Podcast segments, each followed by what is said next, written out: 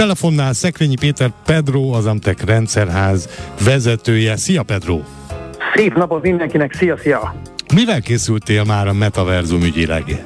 Hát eseményekkel, boxmérkőzéssel, motivációs trénerekkel és mindenfajta koncertekkel, amelyek természetesen a metaverzumban tartandóak meg. Mit szólsz hozzá? Boxmérkőzés? Igen, igen, igen, igen. Na mesélj. Most már viszonylag régóta benne vagyok ezekben, és belépegetek rendszeresen a metaverzumokba, és körbenézek, hogy mi újság van, mennyire fejlődik, hány ember van ott. Egyébként képzeld, egyre többen vannak jelen a világ különböző pontjaiból.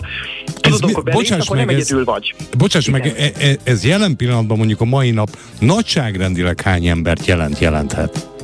Hát már most is sok milliót, de még csak millióban mérhető.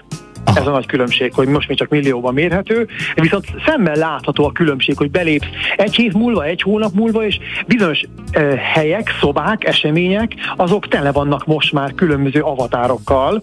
És tudod, ne felejtsük el, hogy ezek az avatárok mind élő emberek vannak mögötte, Kínából, Indiából, Amerikából, vagy Európa bármelyik pontjáról, tehát együtt tudtok lenni kvázi a virtuális térben. És akkor mik azok a rendezvények, hívjuk így, amikre utaltál? Igen, amin én konkrétan részt vettem, az, az egyik az egy, az egy koncert volt. Egyik ismert előadónak a, a zenei koncertje, az teljesen ingyenes volt. És akkor képzeld egy úgy, mint egy koncertteremnek a, a VIP szekciója, fölmentem az én saját kis avatárommal, ami furcsa módon egy ilyen robotszerű valami, ott már voltak legalább egy olyan 30-an, de amikor körbenéztem, akkor láttam, hogy ez egy hatalmas rendezvényterem van megcsinálva virtuálisan, és más ilyen páholyokban, ahol én voltam, szintén voltak még nagyon sokan, 20-30-an, 50-en, tehát igazából rengetegen voltunk ott, és mind néztük a középen lévő eseményt, a koncertet 360 fokban. Ez akusztikailag mennyire volt élvezhető? Hát ez egy nagyon jó kérdés, bevallom neked őszintén, az csak közepes volt.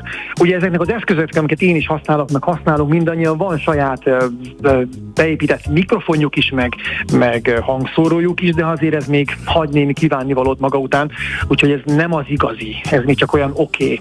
Ennél azért sokkal többet várok én tőlük. Világos. Milyen esemény van még ötletileg? Na utána, amikor úgy vontam vele, hogy akkor jó, akkor most beszélgettem is pár emberrel, hogy ki mit szól a koncerthez, és hogy mennyire élvezi az egészet, akkor utána tovább léptem, és találtam egy motivációs trénert. Szintén itt volt bent, pár szobával arrébb hirdették is, amire mászkáltam, hogy ebbe a helyiségbe menjél, mert ott egy motivációs tréner van. Ott meg egy igazi élő ember volt, ő a saját avatárja volt, tehát nem valami fikciós formát öltött, hanem valós emberi mi voltában volt jelen, és ő motivációs tréner volt Amerikából, és akkor ott adott elő most egyre ingyenesen, most még az embereknek. Ott nem voltak túl sokan.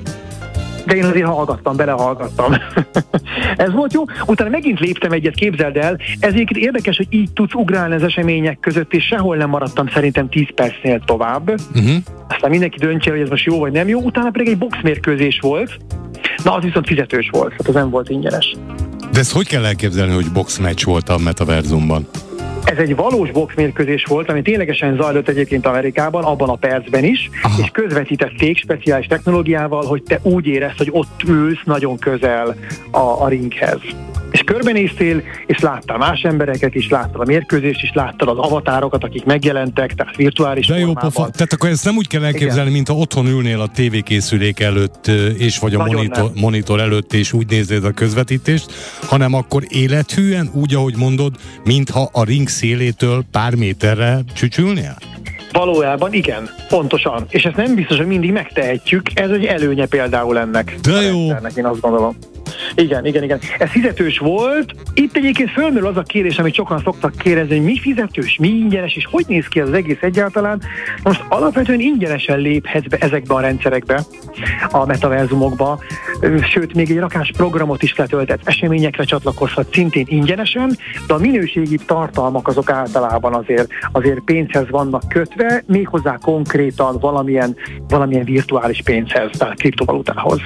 Erről már ö, érintőlegesen beszéltünk, ilyen virtuális pénzt, kriptovalutát pedig ott a rendszeren belül tudsz vásárolni valamilyen formában? Így van, igen, igen, válthatsz saját pénzről kriptovalutára, ami arra a rendszerre jellemző, és akkor utána azzal tudsz akár vásárolni.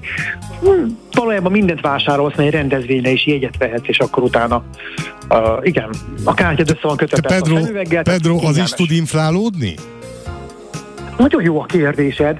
A, nem az inflálódás a jó szóra, hanem az, hogy váltakozik. Tehát, hogy nagyon-nagyon hullámzik, inkább így mondanám nyersen.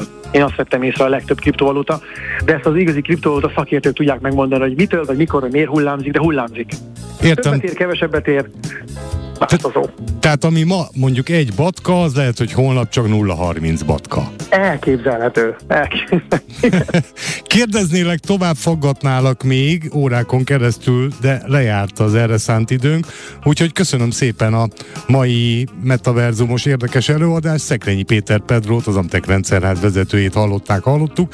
Pedro, köszönöm, jó pihenést, és akkor jövő héten várnak vissza csütörtökön ismét metaverzum ügyileg. Szuper, köszönöm én is. Szia! Szia!